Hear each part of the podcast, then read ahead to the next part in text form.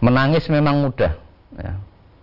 Ketika seseorang sedih, ini banyak yang menangis. Kehilangan jiwa, keluarganya ada yang meninggal dunia, menangis. Rumahnya kebakaran, kehilangan harta juga menangis. Tetapi yang menangis di sini adalah menangis karena dia teringat akan dosa-dosanya, takut kalau Allah tidak mengampuni dosa sehingga nanti akan dimasukkan ke dalam neraka.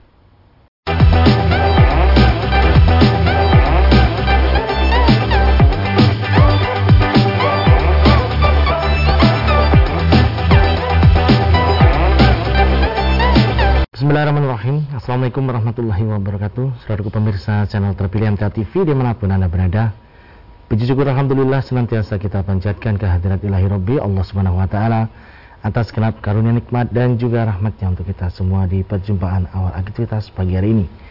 Kita jumpa kembali di program unggulan Fajar Hidayah.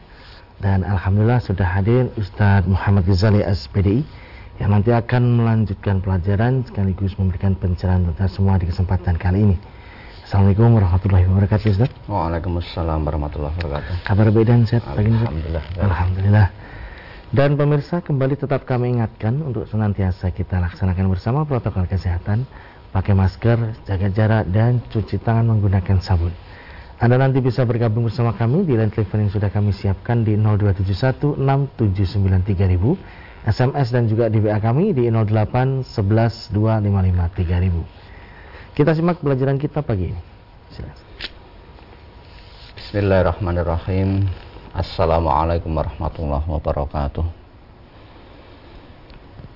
Innal hamdalillah nahmaduhu wa nasta'inuhu wa nastaghfiruh wa na'udzu billahi min syururi anfusina wa min sayyiati a'malina may yahdihillahu fala mudhillalah wa may yudlil fala hadiyalah Asyhadu an la ilaha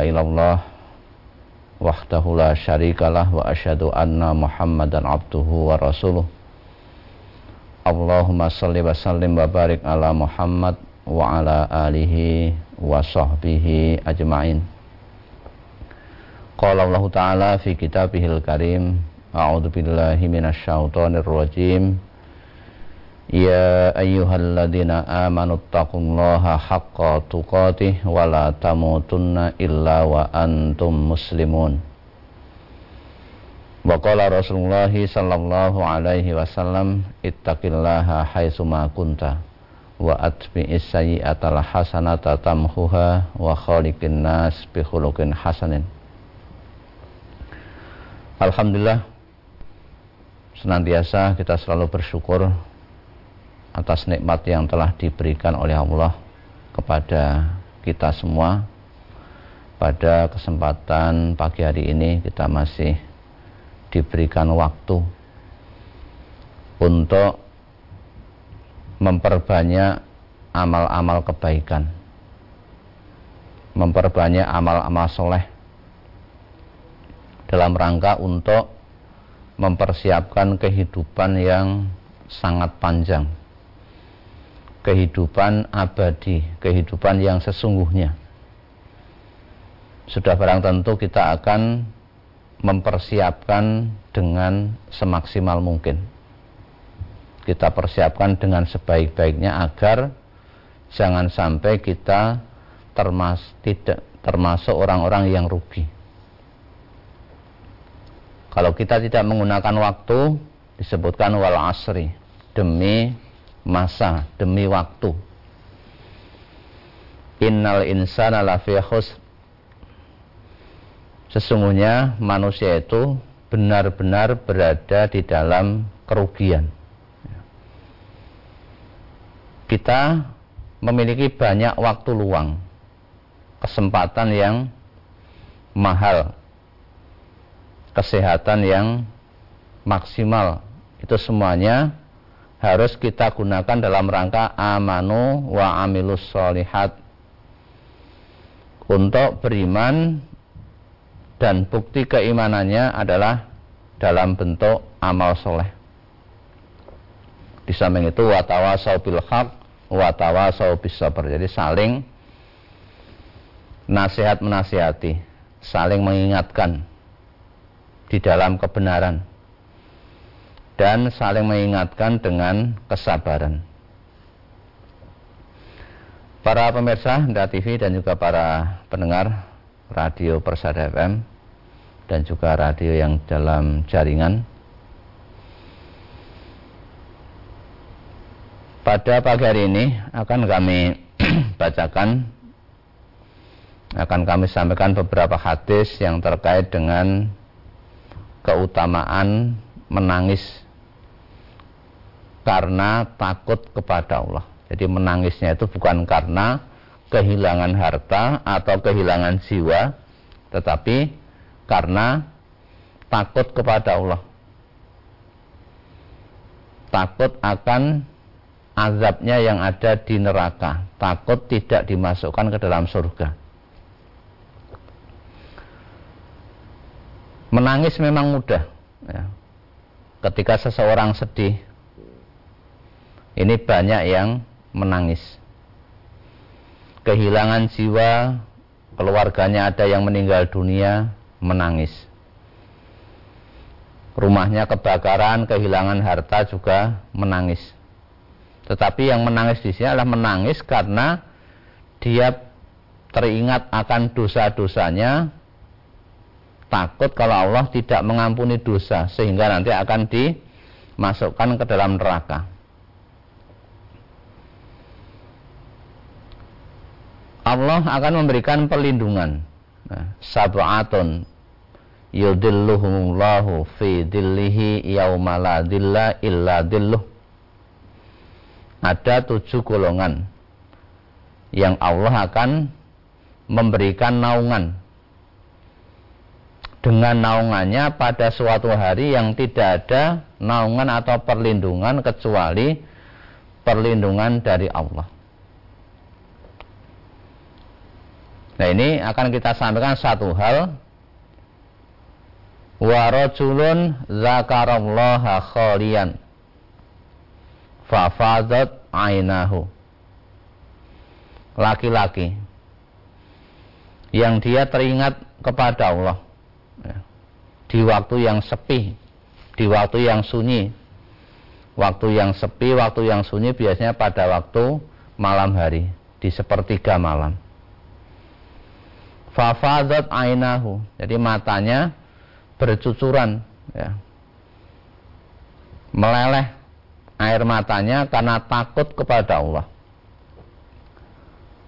Takut jangan-jangan Allah tidak mengampuni dosanya. Ya. Maka hal yang seperti ini besok pada hari kiamat itu Allah akan memberikan perlindungan kepada orang tersebut. Orang yang bisa menangis karena takut kepada Allah betul-betul pasrah dirinya kepada Allah. Kemudian di hadis yang lain juga disebutkan An Ibnu Abbas radhiyallahu anhu Sami'tu Rasulullah sallallahu alaihi wasallam yaqul Ainani la yamassuhuman nar Ada dua mata yang mata tersebut tidak disentuh oleh api neraka. La tamassuhuman nar. Yang pertama apa? Ainun bakat min khosyatillah. Yang pertama adalah mata yang menangis karena takut kepada Allah. Yang kedua, wa ainun batat tahrusu fi sabilillah. Mata yang bermalam berjaga di jalan Allah.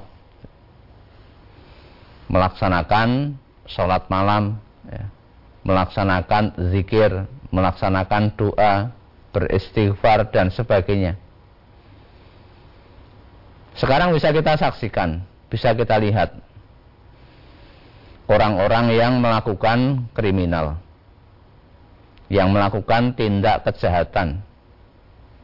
Ada yang membunuh, ada yang korupsi, ada yang memperkosa. Ketika ditangkap oleh aparat keamanan, kemudian dipampangkan di depan publik, disoteng oleh berbagai macam stasiun televisi. Ini wajah-wajahnya, muka-mukanya tidak tampak adanya satu bentuk penyesalan. Bahkan masih bisa melambaikan tangan. Ya. Tidak malu. Tidak merasa bersalah. Kalau demikian halnya, tentu tidak mungkin matanya akan bisa menangis. Bahkan malah bagaimana berusaha agar terbebas atau terlepas dari hukuman. Dengan mendatangkan atau mencari pengacara ya. supaya lepas dari jeratan hukum. Padahal jelas-jelas melakukan perbuatan kriminal melakukan perbuatan dosa. Dan inilah yang kita berusaha. Nah bagaimana caranya? Tentunya kita akan membayangkan bagaimana ngerinya siksaan neraka. Yang di sana penjaganya alaiha malaikatun ghiladun syidadun la ya'sunallah.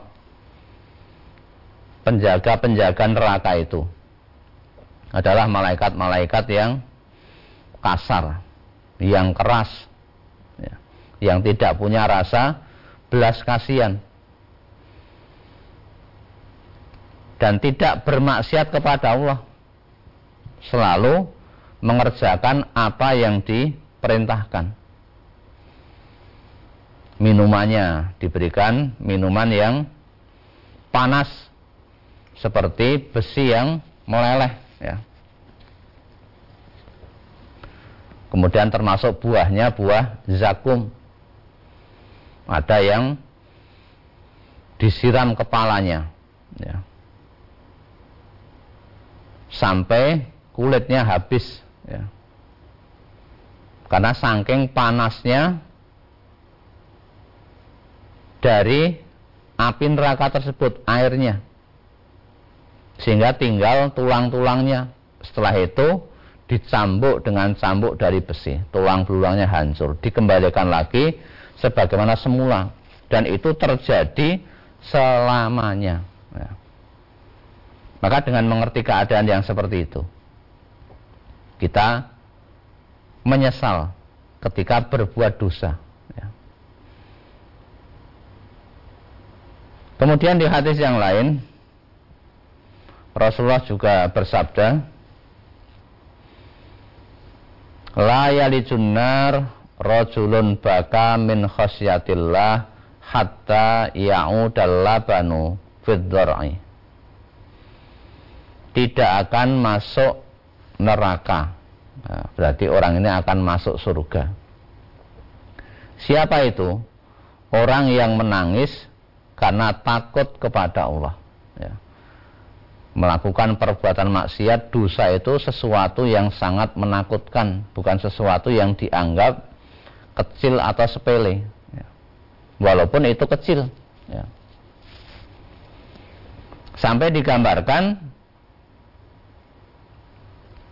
hatta ya'udal labanu fiddar'i sehingga air susu ini bisa kembali ke teteknya ini sesuatu yang dalam bahasa Jawa namanya tangeh lamun tidak mungkin pasti orang yang takut kepada Allah ini akan melakukan perbuatan-perbuatan yang baik.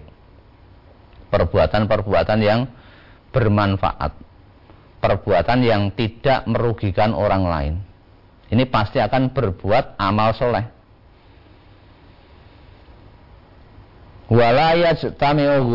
Fi dan tidak akan berkumpul debu fi sabilillah dengan asap neraka jahanam. Antara perbuatan yang baik dengan perbuatan yang buruk tidak mungkin akan bisa menyatu. Orang yang baik dengan orang yang buruk tidak akan menyatu.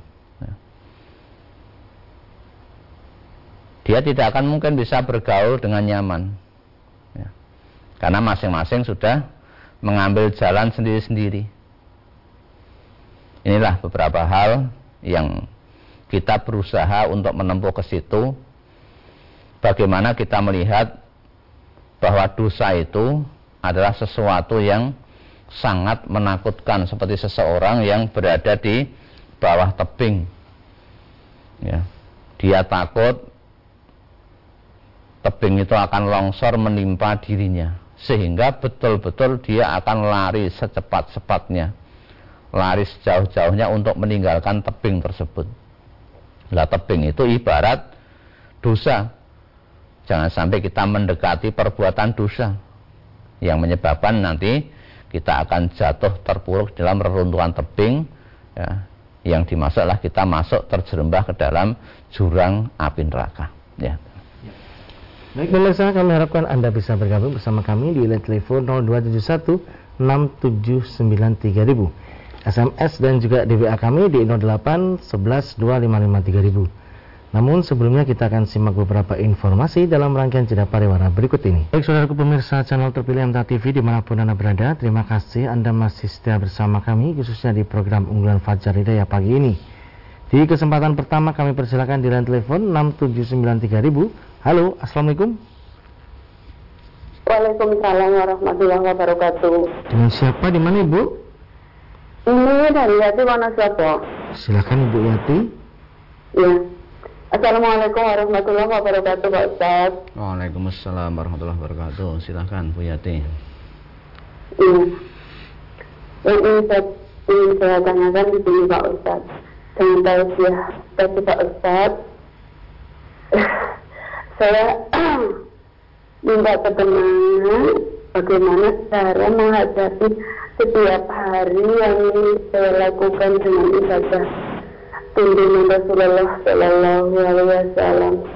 Tapi setiap hari waslah sholat malam juga tidak selalu menangis, cuma sering menangis yang dilakukan uh, setiap hari dari sholat sunnah-sunnah suka, rawatib apa, ikut suka, malam ikut suka, dengan puasa sunnah suka.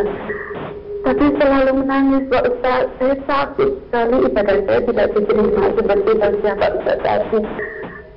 Itulah jadi saya minta bagaimana supaya saya setiap hari bisa tenang menghadapi uh, yang menghisap yang menakutkan sekali. Gitu Pak Ustaz. Terima kasih atas tausiahnya wassalamualaikum warahmatullahi wabarakatuh. Waalaikumsalam warahmatullahi wabarakatuh. Ya untuk perasaan takut jangan-jangan doa kita ibadah kita diterima itu sesuatu yang baik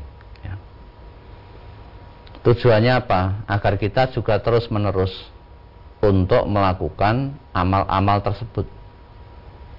Tetapi jangan terlalu berlebih-lebihan sehingga diri kita hidupnya malah menjadi tidak tenang. Ya. Apa yang kita kerjakan adalah apa yang dicontohkan oleh Rasulullah. Dalam urusan ibadah kita hanya diperintahkan untuk mengikut. Al aslu fil ibadati alit tiba jadi dalam masalah ibadah itu kita hanya mencontoh mengikut dari siapa? Dari Rasulullah Sallallahu Alaihi Wasallam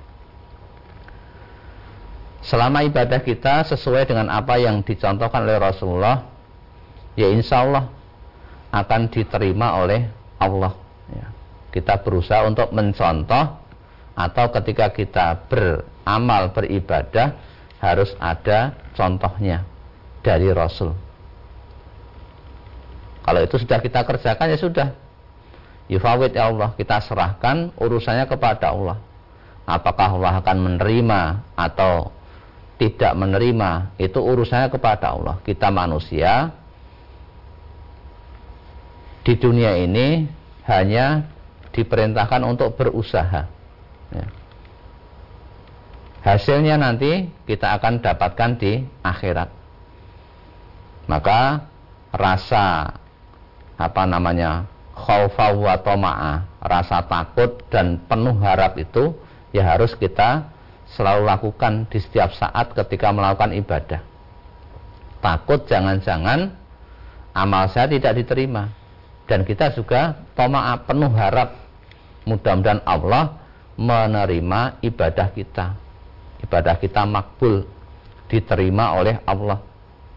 Itu yang kita harapkan. Tapi sekali lagi jangan terlalu berlebih-lebihan. Karena sesuatu yang berlebih-lebihan tidak akan menjadikan baik ya. Yeah. kita beralih di WA Ustaz. Pertanyaan dari Bu Lis di Solo. Ustadz yang saya tanyakan apa ada tuntunannya? Puasa sunnah bulan Rajab 10 hari. Dari tanggal 1 hingga tanggal 10 sama bacaannya Ustaz. Masalah puasa di bulan Rajab ini memang ada dalilnya, ada hadisnya. Tetapi setelah diteliti ternyata kedudukannya hadisnya itu adalah dhaif ya. Tidak sah karena itu tidak dari Rasulullah. Nah orang kadang-kadang melihat keutamaannya. Ya. Misalnya ini hadis dari oleh uh, Al-Mawdu'at oleh Abdul Farad Abdurrahman bin Ali bin Al-Jauzi. Juz 2 halaman 206 Jadi matan hadisnya Inna syahra rojaba syahrun adimun. Sesungguhnya bulan rojab itu adalah bulan yang agung. Man soma minhu yauman kataballahu lahu sauma alfi sanatin.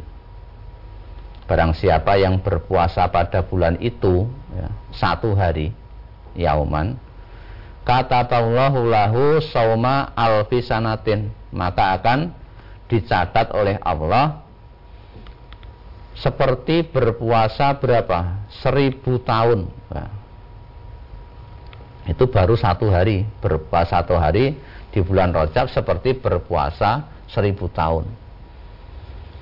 Waman soma yauma ini ya, barang siapa yang berpuasa dua hari pada bulan Rajab kata Allahu lahu siyama alfai sanatin Allah akan mencatat untuknya seperti berpuasa dua tahun.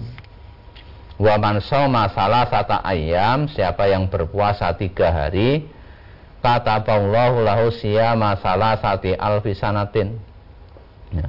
Allah akan mencatat berpuasa seperti berpuasa tiga ribu tahun. Ya. Berikutnya waman soma min rojab sab'ata ayam siapa yang berpuasa pada bulan rojab selama tujuh hari ya ughliqat anhu abwabu jahannam. Akan ditutup darinya pintu-pintu neraka jahanam berarti dia dijamin masuk surga. Wa man soma minhu ayyam futihat lahu abwabul jannati as-samaniyatu yadkhulu min ayyiha sa'a siapa yang berpuasa selama delapan hari akan dibukakan untuknya pintu-pintu surga yang delapan. Dia boleh masuk dari pintu mana saja. Wa man shoma minhu khamsata asrata yauman budilat sayyi'atuhu hasanatin. Barang siapa yang berpuasa 15 hari ya, pada bulan Rajab tersebut budilat sayyi'atuhu. Jadi keburukan-keburukannya dosa-dosanya akan diganti dengan kebaikan-kebaikan. Wa nada munadin minas sama dan ada penyeru ya dari langit. Apa seruannya? Qad ghafarallahu laka. Ya. Sungguh Allah telah mengampuni untukmu dosa-dosamu. Fasta'ni fil amal dan silahkan melanjutkan untuk beramal. Ini ternyata setelah diteliti itu hadis ini tidak sah. Karena apa? Sanatnya ada perawi yang bernama Harun bin Antara Abu Hatim Ibnu Hatim berkata tidak boleh berhujah dengan Harun karena dia banyak meriwayatkan hadis-hadis yang mungkar. Dan masih banyak lagi di samping puasa juga ada sholat dan sebagainya nah, kita tidak mengamalkan itu karena setelah diteliti ternyata hadis-hadisnya uh, ada yang zoif ya yaitu ya. Baik. Masalah kesempatan di A dari Bapak Suharyanto di Solo. Yang pertama, pada saat tidak junub, bolehkah kita bila mau sholat bersuci dengan mandi besar Ustaz? Yang kedua, apakah ada beda fadilah atau pahalanya kita sholat di masjid yang jumlah jamaahnya sedikit dengan sholat di masjid yang jumlah pahal yang jumlah jamaahnya banyak Ustaz? Ya. Tentang toharoh, ya. cara mensucikan diri dari hadas. Ini sudah ada aturannya. Jadi jangan kita membolak-balikkan ya, aturan yang sudah ada. Ketika kita berhadas kecil, misalnya kita kentut, kencing, berak, ya, itu kan termasuk bagian dari hadas kecil. Cara mensucikannya, cara membersihkannya adalah dengan berwudu. Kalau tidak ada air, nah boleh kita bertayamum. Sementara kalau hadas besar, kita diperintahkan untuk mandi junub, mandi janabat. Jangan sampai kita berhadas kecil ketut, tetapi ternyata cara membersihkan dengan mandi. Nah, mandi kan berarti lebih utama, tidak seperti itu. Jadi ada aturannya masing-masing. Jadi jangan membuat aturan yang baru. Aturan yang sudah ada ya sudah kita kerjakan aja. Sebagaimana contoh dari Rasulullah ketika hadas kecil, ya bersihnya dengan wudhu atau tayamum ketika dalam kondisi darurat. Kemudian kalau hadas besar ya dengan kita berwudhu. Kemudian tentang masalah sholat tadi, sholat berjamaah. Ya ada beberapa keutamaan yang disebutkan oleh Rasulullah. Ya. Misalnya orang sholat di Masjidil Haram. Itu kebaikannya 100 ribu kali dibandingkan dengan di masjid biasa. Kemudian sholat di Masjid Nabawi itu keutamanya seribu kali dibandingkan dengan masjid biasa. Sholat di Masjidil Aqsa kebaikannya 500 kali dibandingkan dengan masjid biasa. Ini yang disampaikan oleh Rasulullah. Nah tentunya kalau kita datang ke masjid ya sudah niatnya kita melaksanakan sholat berjamaah. Niat murni suci karena Allah. Ya, bukan karena sesuatu hal yang lain. Karena segala ibadah kita Inna solati wa nusuki wa mahyaya wa mamati lillahi rabbil alamin Sesungguhnya solatku Ibadah sembelianku Hidupku dan matiku itu hanya murni mengharapkan ridho dari Allah Kalau memang dekat dengan masjid yang ada di rumahnya Yaitu jauh lebih baik ya. Namanya tetangga masjid Jangan sampai malah kita mencari masjid yang lebih jauh ya dengan berbagai macam alasan. Ya kita memperkuat yang ada di daerahnya masing-masing. Sudah masjidnya kecil, jamaahnya sedikit, ya kita malah memilih masjid yang besar yang jamaahnya banyak. Makanya diperkuat tadi yang ada di daerahnya itu. Ya, biar orang-orang yang sholat di situ juga jumlahnya banyak memakmurkan masjid-masjid yang masih kecil-kecil itu. Ya kalau semuanya nanti berbondong-bondong kepada masjid yang besar jumlahnya banyak maka masjid yang kecil tidak akan makmur tidak akan terawat ya, ya. baik kami persilakan satu penelpon lagi halo assalamualaikum halo assalamualaikum Waalaikumsalam warahmatullahi wabarakatuh. Dengan siapa di mana Bapak? Siapa di mana Bapak? Pak Adi di Palembang. Ya, silakan Pak Adi. Pak Adi di Palembang. Assalamualaikum warahmatullahi wabarakatuh Ustaz Waalaikumsalam warahmatullahi wabarakatuh Silahkan Pak Hadi di Palembang Apa yang disampaikan Ini Ustaz saya mau tanya masalah amal soleh Amal soleh yang dikehendaki oleh Allah itu Apakah tidak termasuk kirim-kirim pahala kepada orang yang sudah meninggal atau yang masih hidup? Mohon pencerahannya. Terima kasih. Wassalamualaikum warahmatullahi wabarakatuh. Waalaikumsalam warahmatullahi wabarakatuh.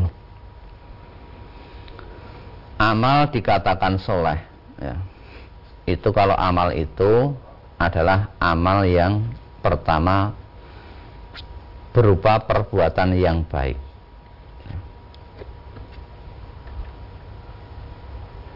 Kemudian yang kedua adalah amal yang muttaba'ah. Yang kita mengikuti sunnah dari Rasul. Ya. Itu ciri amal-amal yang soleh. Tidak hanya amalnya yang perbuatannya yang baik. Tetapi kalau baik itu tidak mengikuti contoh dari Rasul. Juga tidak termasuk amal yang baik. Dan tidak akan diterima oleh Allah. Nabi kita juga pernah bersabda, "Mana amila amalan laisa alaihi amruna fahuwa raddun." Siapa yang berbuat atau beramal yang tidak ada contoh dari kami, contoh dari Nabi, amal itu akan tertolak. Karena prinsip kita dalam ibadah itu hanya mengikut, bukan membuat sesuatu yang baru. Sehingga ketika kita beramal Rasulullah ini mencontohkan apa tidak? Ini dalam segala hal. Tidak hanya masalah yang ditanyakan tadi. Dalam segala hal. Kalau Rasulullah tidak mencontohkan, ya kita tidak mengerjakan. Kalau ada orang lain yang mengerjakan, ya silahkan saja yang kita kerjakan adalah yang sudah kita ketahui. Ya. Sebanyak-banyak yang sudah kita ketahui, itu masih lebih banyak yang belum kita ketahui. Pada prinsipnya, kita jangan menyalahkan ibadah orang lain. Barangkali kita berhusnudon, beliau-beliau ini sudah mengetahui dalilnya. Nah, kita yang belum mengetahui dalilnya dasarnya tidak mengerjakan bukan berarti tidak ada nah, kita belum tahu dalilnya maka tidak mengerjakan lah mereka-mereka yang mengerjakan kalau kita pengen ikut-ikutan ya silahkan tanya ya Bapak mengerjakan seperti ini apakah ada dalilnya ya, ditanya secara baik-baik Bapak apa harus pakai dalil ya memang dalam agama seperti itu Oh di dunia aja juga ada aturannya. Ya, kalau tidak mengikuti aturan ya akan terhambat. Ya. Maka di dalam agama juga sama, kita mengikuti apa yang dicontohkan oleh Rasulullah. Kalau tidak ada contohnya ya kita tidak usah atau belum mengerjakan. Tetapi sekali lagi tidak usah menyalahkan amal atau perbuatan yang dilakukan oleh orang lain. Kita berhusnudon bahwa mereka mungkin sudah tahu dalilnya. Ya. Ya. Baik, kami sampaikan terima kasih atas pelajarannya Ustaz. Assalamualaikum warahmatullahi wabarakatuh. Waalaikumsalam warahmatullahi wabarakatuh. Baik, saudaraku pemirsa channel terpilih MTA TV di mana pun Anda berada. Demikian tadi telah kita simak dan bersama program unggulan Fajar Hidayah di kesempatan pagi ini. Kembali tetap kami ingatkan untuk senantiasa kita laksanakan bersama protokol kesehatan, pakai masker, jaga jarak, dan cuci tangan menggunakan sabun.